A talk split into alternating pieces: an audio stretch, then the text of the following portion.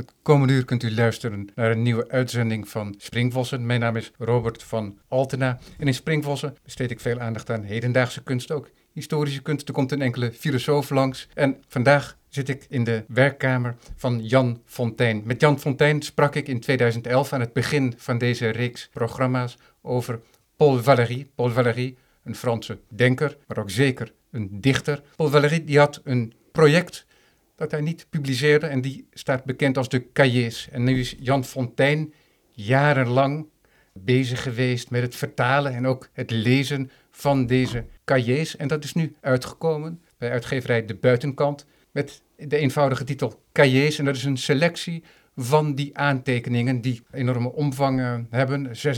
26.000 pagina's, meen ik. Valerie schreef daaraan vanaf zo 1896, 1898 tot zijn dood in 1945, 20 juli 1945.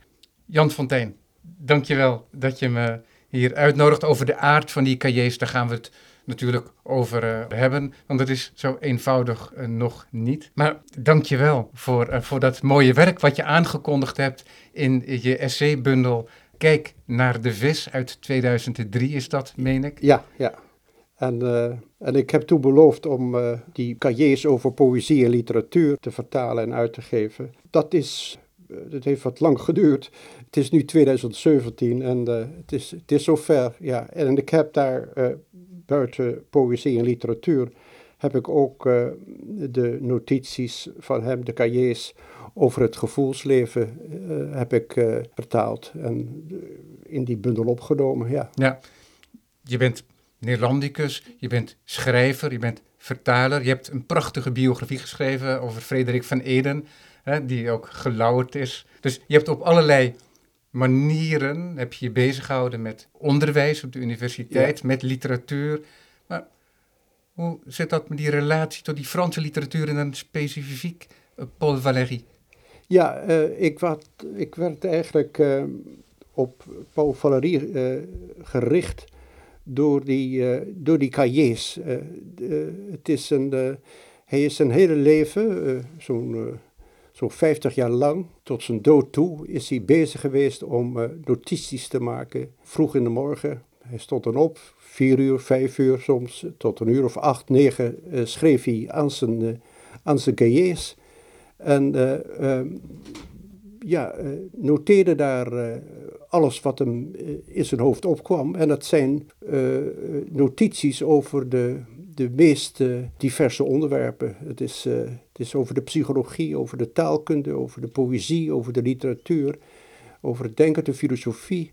En deze verzameling is nu in Frankrijk verschenen. En, en ik vond het zo de moeite waard om, om nou ja, een selectie hieruit te maken. En ik denk dat, ze, dat hij heel, uh, heel duidelijk een aantal uh, schitterende opmerkingen maakt over, over die gebieden die ik vertaald heb. Dus die poëzie, literatuur en, uh, en het gevoelsleven. Het is een, een man die heel nauwkeurig schrijft, heel compact soms schrijft. Dat maakt het vertalen soms een beetje lastig, maar het, is, het, is, het, is, het zijn altijd gedachten die die de moeite waard zijn. Ja. Ja, en je bent daar echt fantastisch in geslaagd, moet ik eerlijk zeggen. Want ik heb toch heel vaak ook wel zelf wel pogingen ondernomen om dingen leesbaar te maken voor vrienden bijvoorbeeld. En dan loop je er altijd tegenaan dat als je trouw wilt blijven aan Valerie, dan krijg je een wat vreemd, statig, hoekig Nederlands. En jij bent erin geslaagd om daar een heel natuurlijk Nederlands van te maken. Of schoon je duidelijk hè, in je inleiding zegt dat je trouw bent gebleven, zo ver als mogelijk hè, in die omzetting van de ene taal naar de andere, ook aan zijn syntaxis. Ja, ja, ja, ja. Het is, uh, het is, uh, het is heel lastig geweest soms, omdat hij heel compact schrijft. Hè. Uh, soms is het, zijn het hele korte notities, zoals je zelf ook wel eens maakt. Het zijn van die, die randopmerkingen. En even later dan gaat hij zo'n randopmerking gaat hij wat, wat uitvoeriger beschrijven en dan uh, wordt, het, wordt het duidelijker. Ja, ja. ja. Valérie die is als jongeling uh, bevriend met André Gide, dezelfde generatie, ze ja. schelen één jaar, met Pierre Louis. Grote schrijvers ja. worden dat dan. Hè? En in hem wordt ook uh, een grote belofte gezien. Een belofte die een van de grote dichters van zijn tijd, gelezen door weinigen, ook nu nog, maar nog altijd een grote naam, Stéphane Mallarmé. Ja. Ja. En Stéphane Mallarmé is toch heel belangrijk ook voor de benadering van Valérie. Ik denk dat Valérie, zoals wij hem kennen, niet onmogelijk bestaan zou kunnen hebben zonder een figuur als Stéphane Mallarmé. Nee, je kan zeggen dat Mallarmé echt zijn literaire vader was hoor. Hij heeft uh, zich enorm verdiept in dat, uh, in dat oeuvre van, de, van deze man. En, uh, en ook in de, de wat moeilijke poëzie en ook het moeilijke proza van, van Mallarmé. En hij heeft eigenlijk geprobeerd om om de, de school van Mallarmé ja, uit te dragen en, en aan een jongere generatie ook duidelijk te maken. Zijn, zijn opvattingen over poëzie en ook over proza eigenlijk zijn voor een groot gedeelte toch ja, geïnspireerd geweest door, door, door Mallarmé. Mallarmé is, is ja, ongeveer de belangrijkste vertegenwoordiger van wat, wat dan in het Frankrijk het, symbolisme heet. Een, een literaire beweging waarin de poëzie sterk centraal staat en waarin het proza eigenlijk secundair wordt. om, om goed de context te begrijpen is het nodig om duidelijk te maken dat mensen als Émile Zola, de, de gebroeders de Concours en noem maar wat op, Flaubert, belangrijke schrijvers, romanschrijvers waren. En je ziet een jongere generatie opkomen in de jaren 90 van de 19e eeuw dus ongeveer gelijktijdig ongeveer met onze tachtigers. Je ziet een generatie opkomen die, uh, die afstand neemt eigenlijk uh, van, de, van, van, van dat ja, uitvoerige proza met veel details, met veel realisme en noem maar wat op. En dat men uh, terugkeert naar een, een sterk poëtisch denken. Men gaat, men, het, de poëzie wordt weer het favoriete genre. En wat heel mooi is daaraan, is dat, dat, dat, dat het zo geformuleerd wordt alsof het een hernemen is van iets wat eigen is aan de poëzie. Maar tegelijkertijd is het zo dat ze in dat hernemen, alsof dat een restauratie is, uiteindelijk een volledig nieuwe poëzie en een nieuwe poëzie opvatting formuleren. Ja. En ze, dat is dan altijd heel moeilijk. Maar laten we zeggen, in ieder geval geldt dat voor Stefan Mallarmé, die toch een van de kernfiguren was. Ja, kernfiguren was, ja. En, en, uh, en uh, Valérie is, is duidelijk uh, gaan zitten aan de, ja, aan de voeten van de meester. Het, het, ze hebben elkaar vrij goed nog gekend. Hij was enorm geschokt door de dood van, van Maramé. Dat was voor hem het, het einde van een soort, van een soort tijdperk. In 1898? ja, 1898. En hij probeert dat, dat door te geven. Hij probeert de, de school van Maramé eigenlijk naar, naar een jongere generatie, ja. waar hij zelf deel van uitmaakte, door te geven. Ja. En dat, dat klinkt heel eenvoudig en dat klinkt heel eerbaar en logisch, maar er is een dubbele beweging. Zoals alle mensen rond Valérie, al die jongelingen die hun eigen pad proberen te scheppen, die werden ook in die stralingsruimte rond die grote meester ook bijna verpletterd door die meester. En je zag op allerlei manieren ook, hij zegt het één keer letterlijk zelfs in, eh, in een brief, hij was eigenlijk uh, het, het hoofd dat moest rollen, wilde, wilde de anderen, wilden we weer voldoende ruimte hebben voor onszelf. Ja. Dus Valérie die begint eigenlijk op een bepaalde manier, die heeft een hele duidelijke tegenreactie, neemt afscheid van de poëzie, ja. afscheid zelfs van de literatuur als zodanig dat hij stopt met publiceren vanaf 1898. Misschien dat er nog iets van zijn pen, uh, van zijn pen komt. Hij heeft dan alleen maar wat kleine gedichten of, of, of, of ja, gedichten geschreven en houdt er in plotseling helemaal op en, en, en zwijgt dan uh, tot, tot 1917. Hè. 1917, wanneer zijn grote gedicht uh, La Jeune Parc, Parc ja, uitkomt, ja, de, ja. de jonge schrikgodin. Ja, ja, ja, ja. En waarin, uh,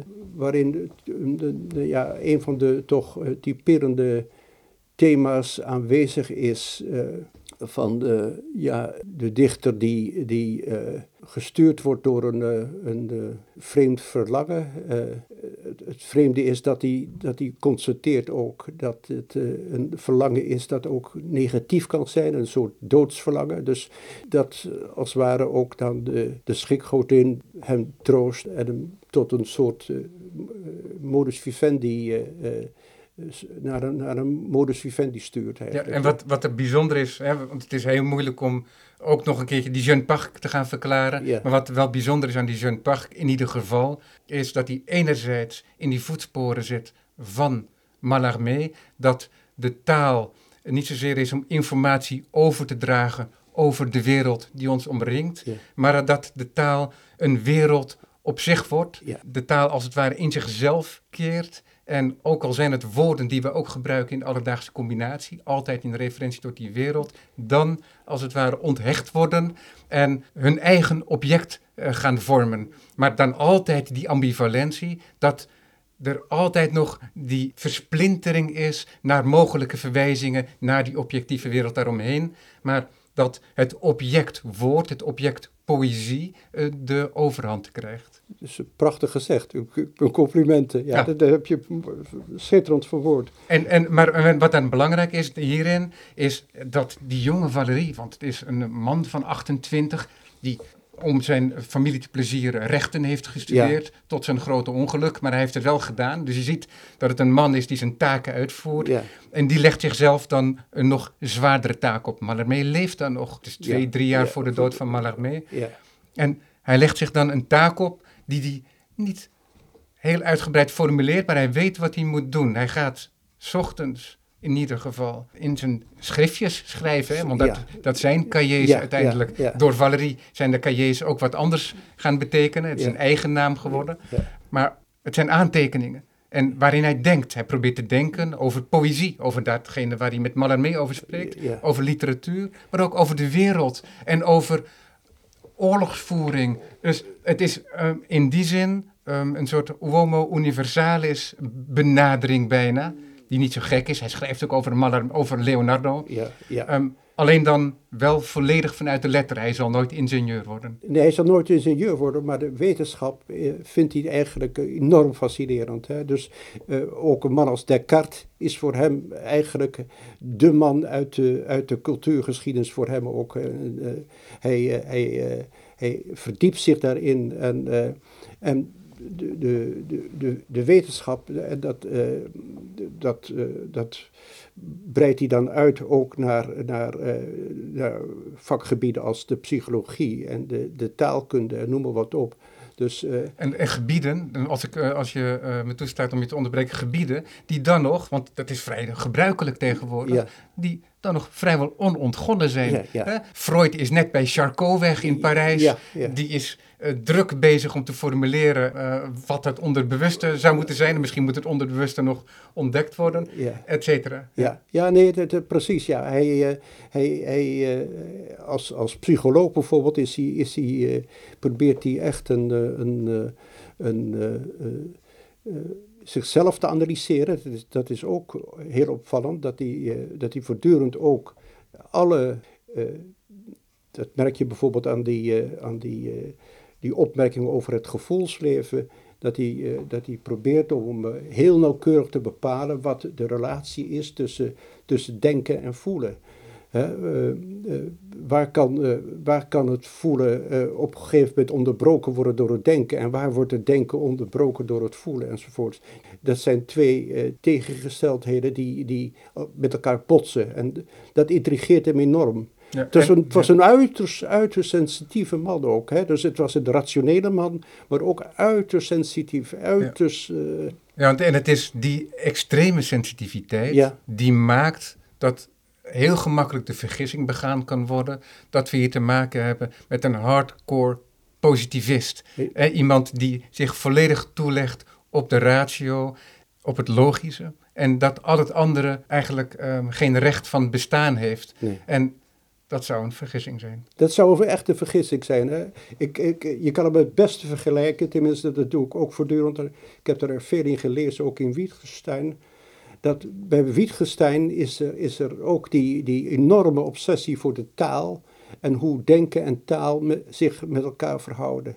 En dat, dat neemt hij eigenlijk ook over. Dus hij, uh, hij, uh, hij is, uh, hij is bijzonder attent op die, op die, op die, op die twee polen. Ja, en bij Wittgenstein is hetzelfde gebeurd. Die is ook helemaal van de koude kant geïnterpreteerd door de, door de, door de Weense school. Ja waarin ze hem alleen maar als een harde positivist zagen. Ja, en waar hij als het ware vervreemd raakt uh, waar, van, van wat hij eigenlijk ook was. Ja, ja, ja. Maar goed, Wittgenstein, weer een ander onderwerp. Je hebt je volledig toegelegd op die cahiers. Ja. Um, je was eerst een aanvankelijk een gefascineerd lezer.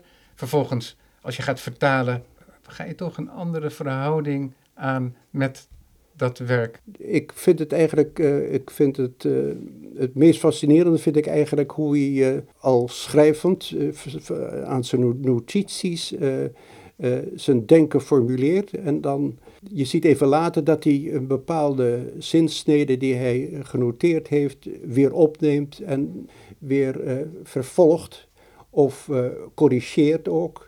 Uh, ja, hij valt zichzelf heel vaak af. Uh, ja, ja, precies. Ja, ja, ja. En dat, dat, vind ik, uh, dat vind ik het meest ontroerend. Dat, dat maakt de, de, de authenticiteit maakt het veel groter ja. hè, voor mij. Ja, ja. Hij heeft zichzelf ook wel eens vergeleken of de schrijver überhaupt met een, met een renpaard dat getraind moet worden. Ja. En alleen ja, wanneer de race plaatsvindt, dat is onzeker. En dat was bij hem helemaal het geval, omdat hij terzijde van de literaire wereld bleef tot 1917. En daarna, op een gegeven moment, zijn er ook uh, materiële omstandigheden waardoor hij zich moet engageren. En als schrijver was dan het gemakkelijkste. Dan begint hij langzamerhand essays te publiceren en veelvuldig veel lezingen te geven.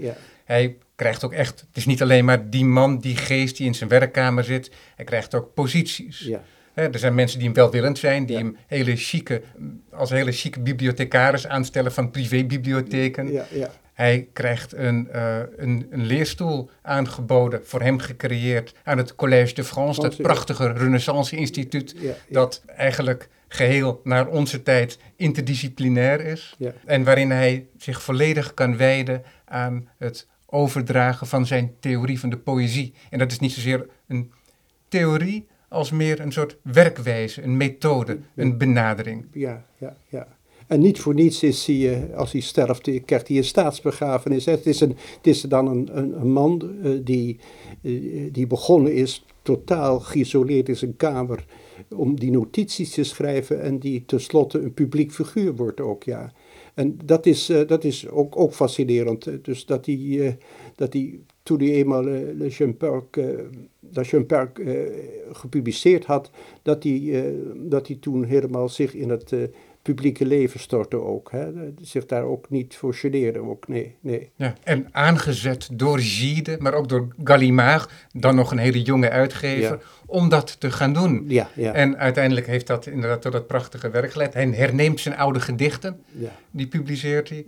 En hij zal in die decennia daarna ook voortdurend wel weer gedichten publiceren, hoewel hij daar toch een wat moeilijke verhouding mee heeft. Hè? Hij blijft, het, hij blijft het moeilijk vinden om uiteindelijk het echte werk te maken, omdat hij nastreeft om zo'n puur dichtwerk te maken. Ja, dat onmogelijke. Ja, het is, het is een man met een enorm uh, groot literair geweten. Dus uh, het moest, uh, het moest formeel en inhoudelijk moest dat aan de grootste eisen voldoen. Dat, dat, dat merk je wel. Dus dat hij, dat hij wat dat betreft een ontzettend literair geweten had en zo. Dus dat, dat hij erg duidelijk selecteert.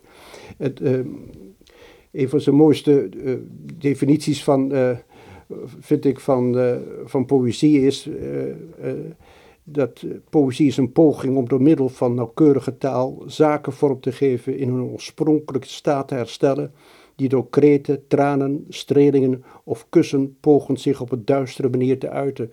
Dat is een schitterende manier van, laat zeggen, van, van wat inderdaad de, de essentie van poëzie kan zijn. Ja, dat het op, een, op een heldere wijze uh, nauwkeurige taal uh, je, je, je, je, je diepste gevoelens kunnen weergeven. En hoe nauwkeuriger en helderder je daarin wilt zijn, hoe duisterder die poëzie kan worden. Hè? Dat is die vreemde ambivalentie. Ja, ja, ja. ja, om, ja. En hij, hij stond zelf versteld ook uh, van, uh, laat zeggen, überhaupt van het, zijn, zijn hele gevoelsleven. Hè? Dus dat, daar probeert hij vat op te krijgen. Dat, uh, hij probeert steeds, het is, het is, het is het, het, gevoel kan soms exploderen, soms kan het op op een hele zijweg, kan het, kan het binnendringen in het denken, noem maar wat op. Dus daar, daar probeert hij voortdurend aan te geven. En ik heb de indruk dat hij, dat hij bang was zelfs voor, voor, voor, voor, die gevoelens ook. Hè? Dus dat het...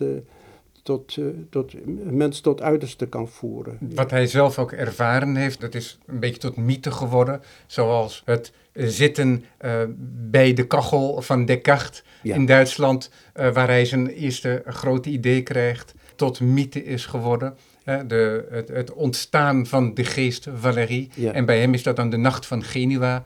Dat speelt zich volgens mij af in 18, nee, 1895. 1892. 92, ja, ja. ja, ja, 4 en 5 oktober. Ja. ja. Da, da, dan, uh, dan zit hij ergens op een, uh, op een soort kasteel daar in, in Genua. Bij, bij vrienden, uh, ja, bij familie. Bij fam de, de, de, familie van zijn moeder zei. Het, het, is een onweersnacht en dan, dan krijgt hij een, een, een ja, een enorme intense uh, uh, ervaring van gevoel van, uh, van, ja, van een soort waanzin bijna. En dat is, dat is een, een groot moment geweest. Dus in zoverre wordt het gevoel voor hem altijd, want het was een ontzettende sensibele man. Uh, wordt het gevoel voor hem iets bedreigends. Hè? Omdat het, uh, het, het, kan exploderen. Het kan, en zo oncontroleerbaar worden dat het um, uh, zelfdestructief wordt. Ja, ja, ja, ja. Dat, is, dat, is, dat is het grote gevaar. Ja, ja, ja. En eh, en dat merk je dus ook in, het, eh, in die aantekeningen die ik eh, vertaald heb over het gevoelsleven, dat hij dat precies probeert in kaart te brengen. Hoe is de verhouding tussen denken en, en voelen? En in hoeverre kan ik macht krijgen over die gevoelens? In hoeverre hebben die gevoelens een eigen leven? En noem maar wat op. Ja.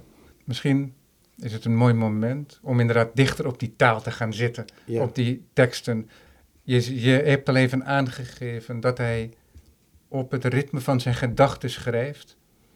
En dat klinkt dan onbedoeld poëtisch, want wat hij juist probeert te doen is de naakte gedachte, de, de, de, de stijloze gedachte te vangen in taal. Want hij heeft een broertje dood aan mooie schrijverij. Ja, ja proza is voor hem een, eh, een, eh, hij formuleert het zelf, dus lopen met een doel voor ogen, lopen ergens naartoe, verdwijnen in de werkelijkheid.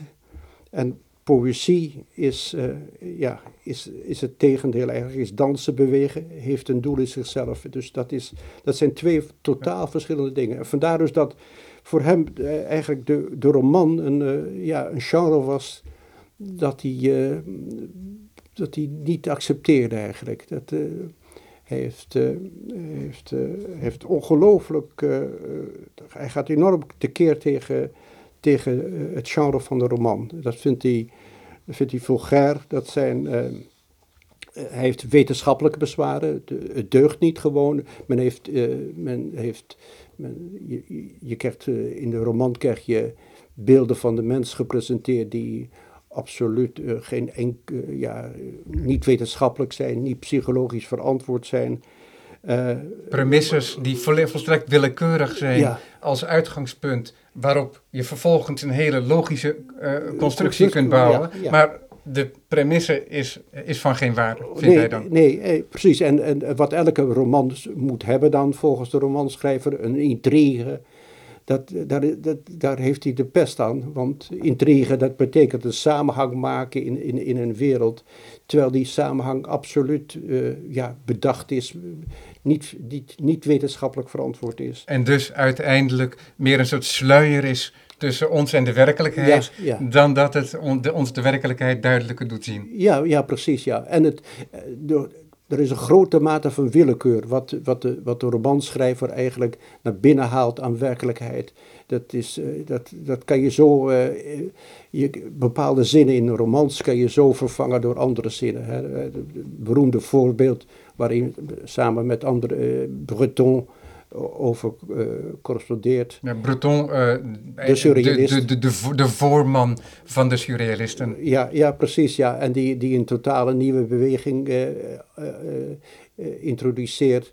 Waar hij, waar hij ook toch niet veel van moet weten eigenlijk. Dat, maar goed, met, Valerie, met, met Breton heeft maar hij dan... Breton heeft hij toch onder, onder zijn vleugels genomen, hè? die jonge Breton aanvankelijk. Ja, ja, ja. En hij neemt dan als voorbeeld dat zinnetje, het beroemde zinnetje... wat wat uh, klassiek bijna gaat worden, La Marquise sortie à 5 heures. Hij zegt, ja, dat, uh, waarom, waarom op, vijf uur, waarom de marquise, dat is, uh, het kan ook een grafin zijn. je, je kan, je kan allerlei substituties kan je, kan je, kan je invullen. Je kan al, alles, al dit soort woorden kan je vervangen. Het is een, het is een, een, een warrige boel, het, de roman. En in zoverre zet hij het af, zet hij het af tegen tegen de poëzie, die veel nauwkeuriger is, directer is en uh, directer ook bij het gevoel kan komen. En dat is dan die poëzie die jij dan formuleert als poëzie puur. Dat is die poëzie die nog steeds verbonden is met het project van Mallarmé op een bepaalde manier. Ja, poëzie kan, kan, kan vorm geven aan ongerichte gevoelens. Hè? En, uh, en de roman is daar absoluut niet geschikt voor. Dat, is, uh, dat, dat kan niet volgens hem. Ja, dat is een gedachte waar hij trouw aan blijft. Maar het is niet zo dat hij alleen maar die romankunst onder vuur neemt. Maar je hebt in die 19e eeuw, waar hij toch een kind van is, al heeft hij het grootste gedeelte van zijn leven doorgebracht in die 20e eeuw en gewerkt in die 20e eeuw.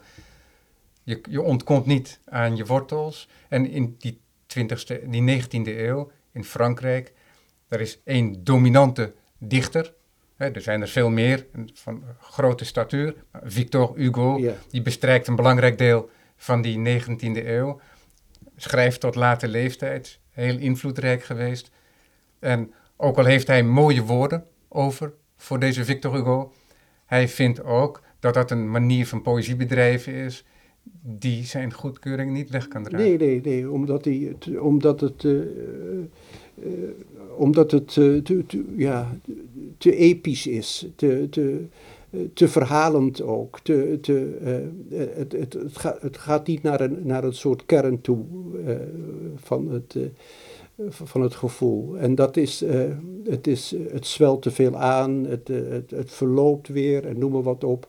En daar heeft hij de pest aan. Ja, en wat hij ook moeilijk vindt is dat hij erkent het grote talent van Victor Hugo. Ja. Hè? Dat is ook moeilijk om, om daaromheen uh, te stappen, denk ik. Maar wat hij moeilijk vindt is dat Victor Hugo de rol van groot dichter gaat spelen. En die rol die speelt hij ook in zijn poëzie, als het ware. Ja, ja, ja. En dat hij als het ware opdrachten vervult met zijn poëzie, die van een andere orde zijn dan poëtisch. Ja, ja. En dus, er speelt natuurlijk mee, je, de opkomst van Valerie is in de jaren negentig, dan, dan, dan, dan debuteert hij ook enzovoort. En, en Hugo is dan de, de, de oude, de, de Senex, de, de, de oude dichter, de, de, de, Bars, die, uh, die de vorige generatie is. Hè. Dus het, is, het heeft ook te maken, zoals bij ons de tachtigers ook wel, dat men uh, ja, schoon schip maakt en de, de, de, de, laat zien dat er een nieuwe generatie in opkomst is. Ja. En, ja. Maar wat ik mooi vind, is dat Valérie in die loop van die tijd niet zijn keuze maakt zo van Victor Hugo, dat is niet mijn dichter, heb van tafel ermee. Hij blijft denken over Victor Hugo. Hij blijft hem lezen. Ja.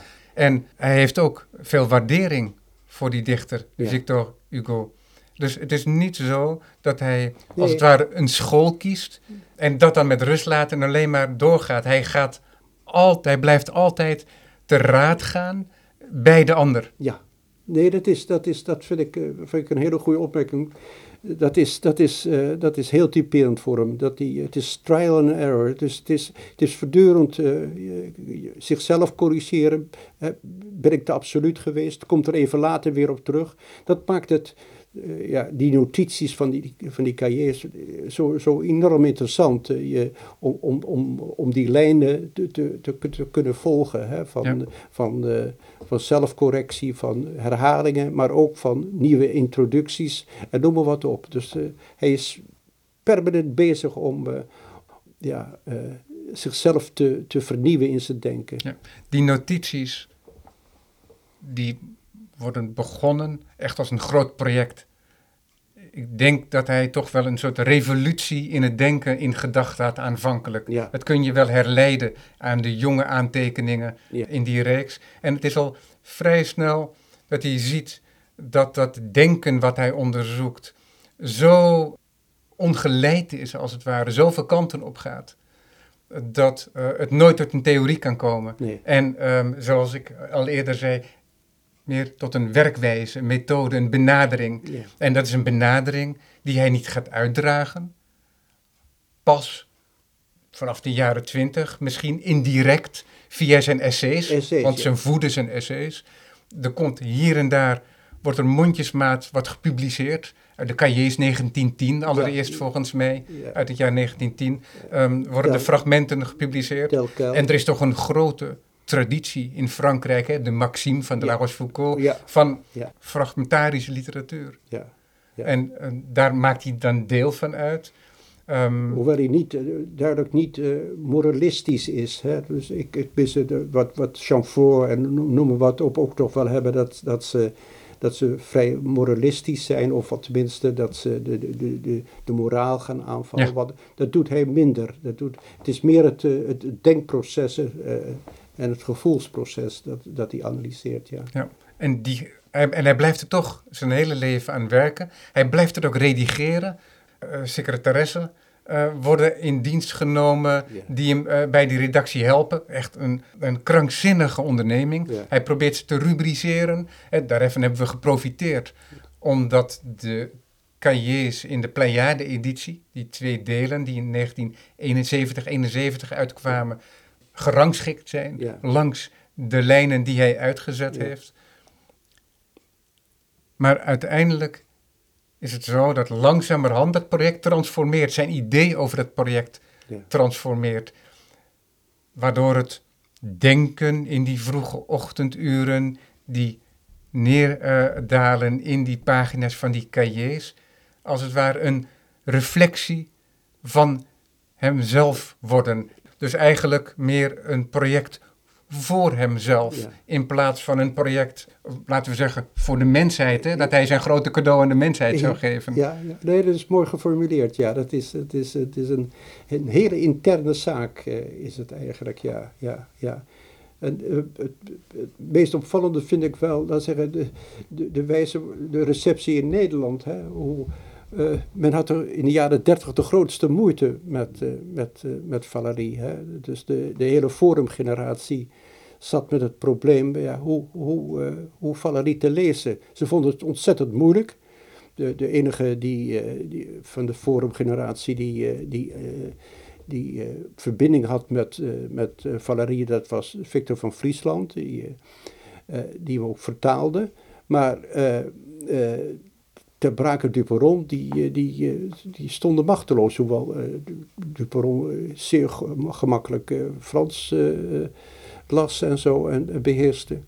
Maar ze vroegen toen op een gegeven moment aan Vestdijk zo van, maak nou eens duidelijk wat het duistere vers van Valerie precies is. En dan publiceert Vestdijk in 33 publiceert dan Valerie en het duistere vers. En dan probeert hij duidelijk te maken wat de, de, de poëtica van, de, van de Valerie precies was enzovoort. En uh, tot grote opluchting ook voor, voor Duperon en Ter Braak, die op een gegeven moment dankbaar waren dat hij uh, dat die op deze wijze toch een, uh, een belangrijk element van de Franse cultuur duidelijk maakte. En enig grip gaf ook, en begrip ja, van, Paul, van het werk van Paul Valéry. Ja, ja, ja. ja. Ja. Want Valerie die is toch heel belangrijk geweest, ook voor een, mensen die hem nooit gekend hebben. Hij is heel invloedrijk geweest in de filosofie en in de literatuurwetenschappen Ja. uiteindelijk. Ja, zeker in de jaren zestig enzovoorts. En de hele telkelbeweging, noem maar wat op. Ja. Dat is, Die, zoals je aangaf, ehm, direct ontleend is Ja. aan, eh, aan Valérie zelf, de titel. Ja, ja, ja, ja. Nee, dat is, dat is een... eh, en ik denk dat, eh, dat eigenlijk de, de werking in, eh, in Nederland van de cahiers eigenlijk eh, minimaal is geweest. Het is... Het is eh, ik heb eigenlijk, ik ken weinig voorbeelden van mensen die dat gedachtegoed hebben. Ja, het is een schrijver die veel geciteerd wordt. Naast jou is Maarten van Buren Ja, bezig ja, geweest met ja. Paul Valéry. En er zijn nog een aantal mensen. Ja, ja, hij heeft het over de esthetica enzovoorts. De, de opmerking van de Valerie over esthetica heeft hij onder andere vertaald. Ja, dat is, eh, maar dat zijn, eh, dat zijn eh, ja, recente pogingen. Maar ik, ik zie niet. nou ja, het is überhaupt natuurlijk wel op het ogenblik een probleem met de hele Franse cultuur. Dat die sinds de, het Frans op de scholen steeds minder wordt gegeven. dat, dat, die, dat, dat, dat die ruimte tussen die twee culturen steeds groter, Groter wordt, wordt. en moeilijker overbrugbaar. Ja, ja. Ik weet nog erg goed dat ik op de lagere school, op de vijfde klas lagere school, kreeg ik mijn eerste lessen Frans. En dat, dat, eh, dat, is, dat is heel opmerkelijk eigenlijk. Dat is, eh, dat zou je, op het ogenblik zou, is dat onvoorstelbaar. Ja. ja, ja, ja. En daarom is het des te belangrijker dat er iemand als Jan Fontijn is, die eh, zijn kostbare uren eh, eh, gebruikt Nou, heb- om zich te richten op, dat, op dat vertalen ook. Maar het, het waren kostbare uren, maar het waren ook zeer aangename uren hoor. Want ik heb dat met veel plezier gedaan. Ja. Ik vind het ontzettend leuk om te doen. Ja. Ja. Ik, ik wil voorstellen om, om een, wat fragmenten ook voor te lezen. ja. En dan eh, vraag ik jou natuurlijk of je, eh, want je zult er ook wel favorieten tussen hebben. En dat zal misschien variëren met de dag. Ja, het, het- ja, ja het, wacht even. Dat is. eh, ik, ik heb. eh, moet ik even kijken hoor. Eh, Terwijl je bladert, merk ik nog op dat het een hele mooie editie is geworden. Met een mooie ingeniide pocket die een eh, bijna klassiek Franse vormgeving heeft. Ja. Met de auteur Paul Valéry eh, zwart op, op de omslag en de vertaler. En de titel Cahiers eh, in het rood. ja, nou laat ik er gewoon beginnen bij het begin van eh, de, de afdeling literatuur. Eh, Het is de eerste opmerking die hij maakt in 1897. Ze hebben over lichaamsleed en liefdesverdriet geschreven, over militaire overwinning en avontuur, over sensualiteit, hartstocht enzovoorts. Vergeten hebben ze het grote leed van het niet begrijpen, of de vreugde bij het tegendeel. Eh, Je, je ziet al hier dus dat de, de rationalist, de, de, de, de, de denker, hier duidelijk aanwezig is. En eigenlijk ook daar de, de, de literatuur op beoordeelt. Prachtig om over liefdesverdriet te schrijven, maar ze hebben, het gaat ook over het, eh, het grote leed van het niet begrijpen of de vreugde bij het tegendeel. Dat is, eh, dat, dat is in, in, in, in nutshell, dat dat is in, in, in de kern eigenlijk de, de twee polen van, van, eh, van, eh, van Faraday. Een, een intens gevoelsleven en een uiterst lucide persoon, ja. Ja. En een enorme concentratie. Want als ik Valérie lees, hè, in jouw vertaling Ja. ook, dan is het niet zo dat ik op elk, bij elke lezing aansla op dezelfde punten. Dus dan merk je ook dat Oh, ja. over die werking van die geest, ja. dat die geest heel wispelturig is. Hè, dus je bent, je bent je persoon, met je gedachten, je hè, identiteit, een heel eh, woord dat eh, te pas en te onpas gebruikt wordt tegenwoordig. En dat is een vrij instabiel begrip, instabiel begrip uiteindelijk. En dat merk ik zelfs bij het lezen in Valérie. Omdat ik wat ik het ene uur interessant vind en wat oplicht Ja. en waar ik mee aan het werk ga, dan kan ik het volgende uur langs lezen en een ander deel wat wegzonken als het ware op de pagina, Ja. springt er dan volledig uit. En wat eigenlijk een bevestiging is ja. van wat Valérie zelf ook schrijft. Ja, ja, ja, nee, dat is mooi gezegd ook, ja, ja, ja. Maar dat is natuurlijk ook wel inherent een klein beetje aan die min of meer aforistische wijze van schrijven. Hè? Dus dat je, dat, dat, dat bepaalde dingen nog eventjes uh, ja, latent aanwezig zijn, aangegeven worden. Even later neemt hij dan weer uitvoeriger op en dan, dan breekt die gedachte pas goed door. Of, ja, ja. ja, hij heeft ook, je zou bijna een soort persoonlijke opdracht om Pascal, Blaise Pascal, wiskundige, groot literator, om die te bekritiseren. Ja. Um, hij heeft er essays over gepubliceerd die hij geannoteerd heeft rond één fragment. En de kern van dat fragment, dat is uh, rond een uitspraak van, van Pascal, die gaat als le, le silence éternel des espaces infinis m'effraie. Ja, ja. Dus, uh, ja. dus de, de, de, de, de, eeuwige stilte van de oneindige ruimte beangstigen mee. Ja, ja. En prachtig geformuleerd, maar dat vindt Valérie welsprekendheid. Dus wat Pascal pensée noemt, gedachten, zijn geen gedachten. Want gedachten zijn niet literair vormgegeven en die zijn geciceleerd door de geest misschien, maar in onderzoek. En niet in een beeld dat al voor ogen staat en wat dan gevormd wordt. Ja, en hij vindt het ook de, ja, ik heb het ook, hij komt voortdurend op die Pascal terug, ja. Hij, staat, hij staat heel ambivalent ten opzichte van godsdienst, religie ook. Hè? Dus dat, dat voel je dus dat, hij daar, dat, daar ook de kritiek op Pascal zit. Hè? Dat hij uh, de gelovige blijft en zo. Dat, ja, precies. En, en, en daarop zeg jij in je commentaar die interpretatie, waar Valerie naartoe lijkt te neigen, daar wordt anders naar gekeken in onze huidige tijd. Ja. Uh, die Pascal die wordt niet zozeer als een zeeloot gezien als Valerie dat lijkt te doen. Ja, ja, ja, ja. Nee, maar het was in, in die tijd was het volgens mij, kwam dat helemaal naar voren. De, de Pascal, de gelovige enzovoort. Die werd ook ja, min of meer binnengehaald. Of men probeerde hem binnen de, de, de, de godsdienst te halen, binnen het katholicisme te halen. Ja, ja. Mag ik je uitnodigen om nog een, eh, nog een fragment uh, voor te stellen? Uh, ik, ik, ik blader maar. Ik heb, ik, ik, eens kijken. Dat, dat is ook nog mooi. Ik zou zeggen, het, het, het klinkt heel mathematisch, maar dat vind ik altijd mooi. Dat, zoals hij dat formuleert. Het is een de dichter zoekt een woord dat moet zijn. Vrouwelijk. Met twee lettergrepen. P of F bevattend. Eindigend met een stomme lettergreep. Een synoniem van breuk, verbrokkeling. En niet geleerd, niet zeldzaam. Zes voorwaarden minstens.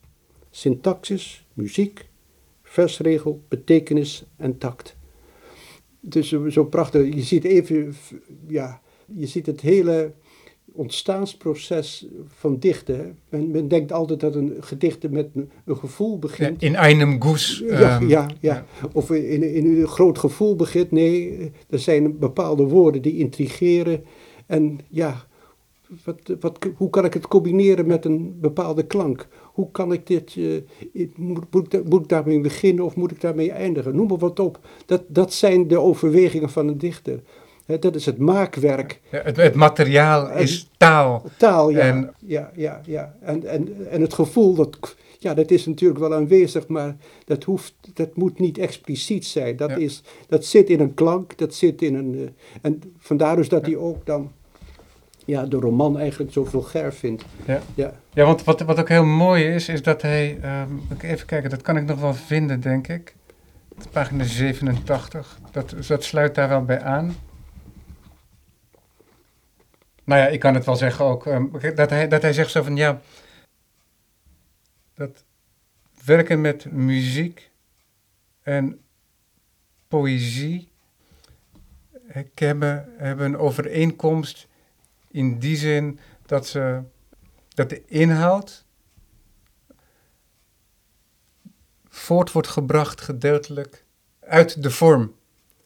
Ja, dus, en dat is altijd moeilijk, hè? omdat als, zodra je ze gaat, apart gaat benoemen, dan lijken ze gescheiden te worden. Maar dat, wat je, want dat citaat wat jij zojuist aanhaalt, dat hij zo bezig is met die elementen, hoeveel, hoeveel letters, bepaalde lettergrepen, het moet in een bepaalde, bepaalde klank hebben, het mag niet te intellectueel zijn. En dat er vanuit die gedachte en die zoektocht naar dat juiste woord ook weerklank in de dichter is tot wat hij wil uitdrukken. Ja, En, dat, en dat wordt uitgenodigd door de vorm. Ja. En niet zozeer dat het geprojecteerd wordt in een vorm. Nee, dat is mooi, ja. En eh, eigenlijk komt, komt het kort erop neer eh, dat, dat, eh, dat proza eigenlijk ja, lopen is. Lopen naar een bepaald doel, zo, dat, zo zegt hij het ook wel.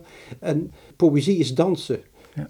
Poëzie, dansen gaat, ne- gaat niet naar een bepaalde richting toe. Je draait, je, je, je, je wendt, je, je, maakt, je maakt de omgeving.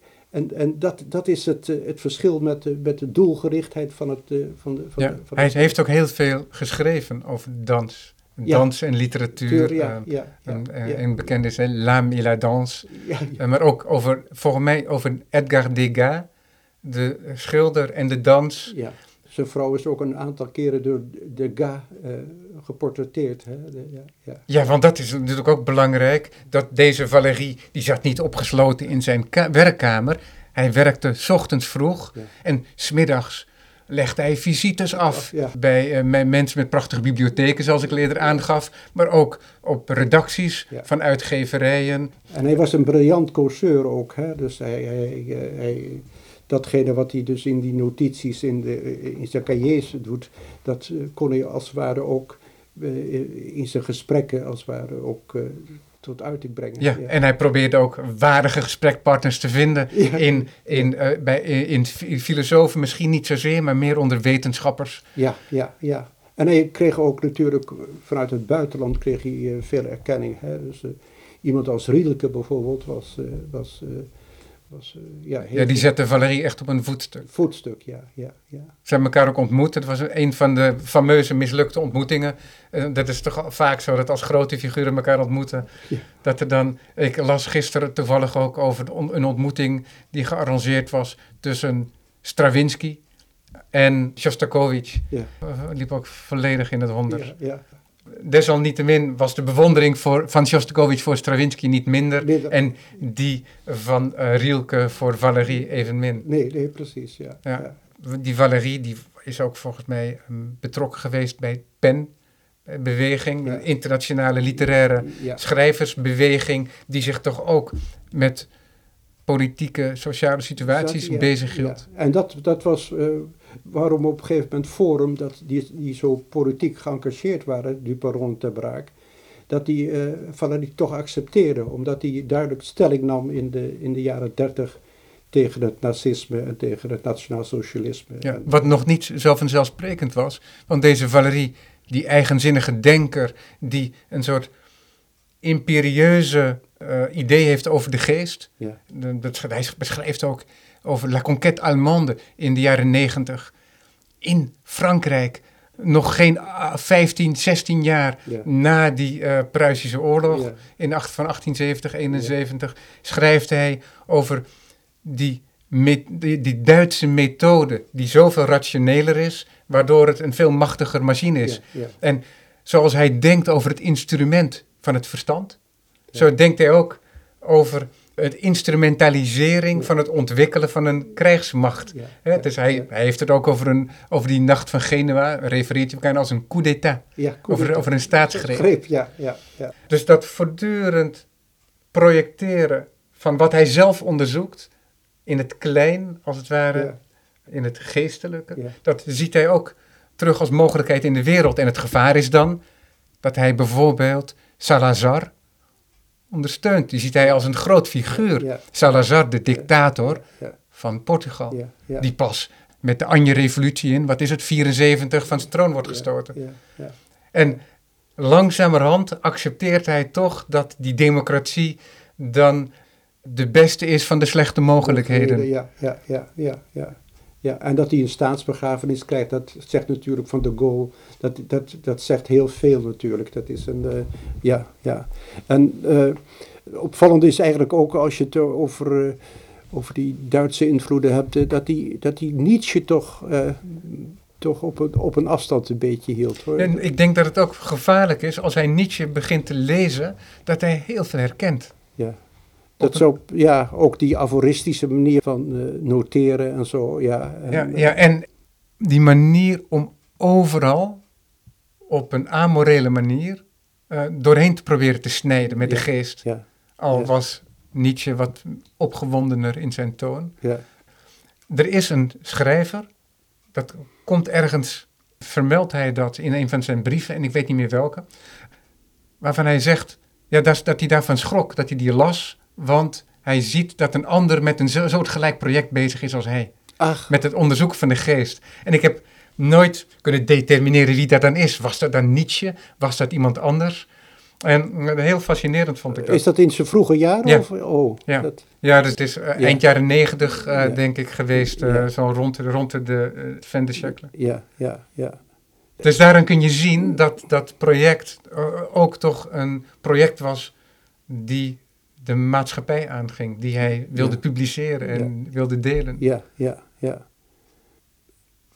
Ja, het is eigenlijk opvallend dat, het- dat hij in, eh, in Nederland als dichter toch eh, eh, niet, niet, niet doorgekomen is. Ja, dat is, dat is ook, ook door tijdgenoten niet. Hè? Dus ook de beweging van 90 en...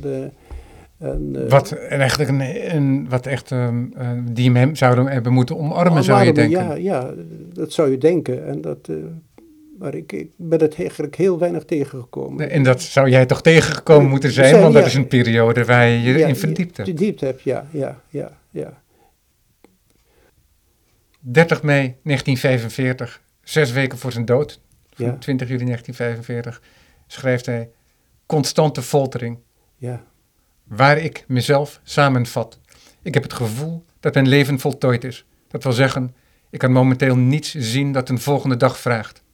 Wat overblijft voor mij om te leven, kan van nu af aan slechts tijd zijn om te verliezen. Alles wel beschouwd heb ik gedaan wat ik kon. Ik ken, één, tamelijk goed mijn geest. Ik geloof dat ik wat gevonden heb belangrijk is. Van deze waarde ben ik zeker, onderstreept. Zal uit mijn aantekeningen niet gemakkelijk te ontcijferen zijn. Het doet er weinig toe. 2. Ik ken ook mijn hart. Het triomfeert. Sterker dan wat dan ook, dan geest, dan organisme. Dat is het feit. Het meest duistere van de feiten. Sterker dan het willen leven en dan het willen begrijpen is dus dit verdomde. C. Keur. Is de verkeerde naam hiervoor. Ik zou graag, tenslotte, de ware naam willen vinden voor deze resonator. In een wezen is er iets wat creator van waarden is. En dat is almachtig, irrationeel, onverklaarbaar, zich niet uitleggend, bron van energie, afgescheiden, maar kan zich evengoed voorals tegen het leven van het individu ontladen. Het hart bestaat daarin afhankelijk te zijn. Kortom, ik voel me in een hiernamaals. Niets gaat me nog aan. Dat wil zeggen, ik zie niet wat me genoegen zou geven in wat mogelijk is. Dus, ja, ja. ja dat prachtig. Ik, ik had dat willen voorlezen. Ik dacht, ik bewaar het tot het Ah, einde. ja. Maar eh, ja, het is schitterend. Ik, Terwijl ik het voorlas, Ja, zag ik je al de woorden uitspreken Ja. voordat ik ze voorlas. Ja, ja, ja. ja, Ja. ja, ja. Zo Nee, dicht zit je op de tekst. Ja, nee, nee, precies. Ja, dat vond ik een enorm ontroerende. Hè. Dat, dat- Dat is de laatste entree eh, bij de aard der gevoelens, hè, over het gevoelsleven. En daarin zie je dat juist die koele geest niet gescheiden is nee, van die gevoelens. totaal. En daar op een sublieme wijze over kan schrijven. Schitterend. eh, Op zijn sterfbed, ja, ja, ja. Hij was toen al eh, behoorlijk ziek, ja. ja. Leven lang zwarte tabak roken ook. Dat Ja, heeft nou, niet geholpen. Ja, ja, ja, ja. Ja. ja. En alles komt erin terug, hè? want ook die laatste paar woorden. Ik zie niet wat me genoegen zou geven in wat mogelijk is. Is, ja. Want dat is zijn opdracht altijd geweest. Te onderzoeken ja, wat mogelijk is. ja. Dus niet iets afmaken, maar iets openen. Openen, ja, ja, ja, ja, ja. En eh, het valt me op dat hij, eh, dat, eh, dat maakt geloof ik zijn opmerking van, van Leo To, die hem ook goed gekend heeft. Ze hadden ook een soort vriendschappelijk contact afhankelijk, maar het is ook een beetje, omdat Leo To ook geen gemakkelijke man was. Maar die heeft het over Valerie dan ook. En dat hij eh, dikwijls het woord eh, et cetera eh, enzovoort. hij, is, hij is voortdurend bezig om dingen te vervolgen. Ja, ja, want de aard van het schrijven en van de literatuur Ja. is dat de vorm het overneemt. Ja. Dan in de vorm van mooi schrijverij. En dat, het, dat je heel snel uitgedaagd wordt om het mooie te schrijven. In plaats van datgene wat je wilt onderzoeken. Ja, ja. En dus dat je iets afmaakt, als het ware, wat niet af is. En daarmee eigenlijk de leugen bedrijft. Ja, ja nee, precies. De, de, de, de oppositie verstandgevoel, da, da, dat, is, dat is cruciaal. En hoe hij probeert daar een soort weg in te vinden. Ja. Ja. Jan, we zijn alweer aan het einde van het uur beland. Wat ik geef het? je een hand voor Ja, dit ja. mooie gesprek. Ik dank je hartelijk voor dit boek. Paul Valéry Caillés vertaald, ingeleid. En de- het staat er niet, maar het is wel zo becommentarieerd door Jan Fontijn. Dank ook voor dat gesprek. Ja.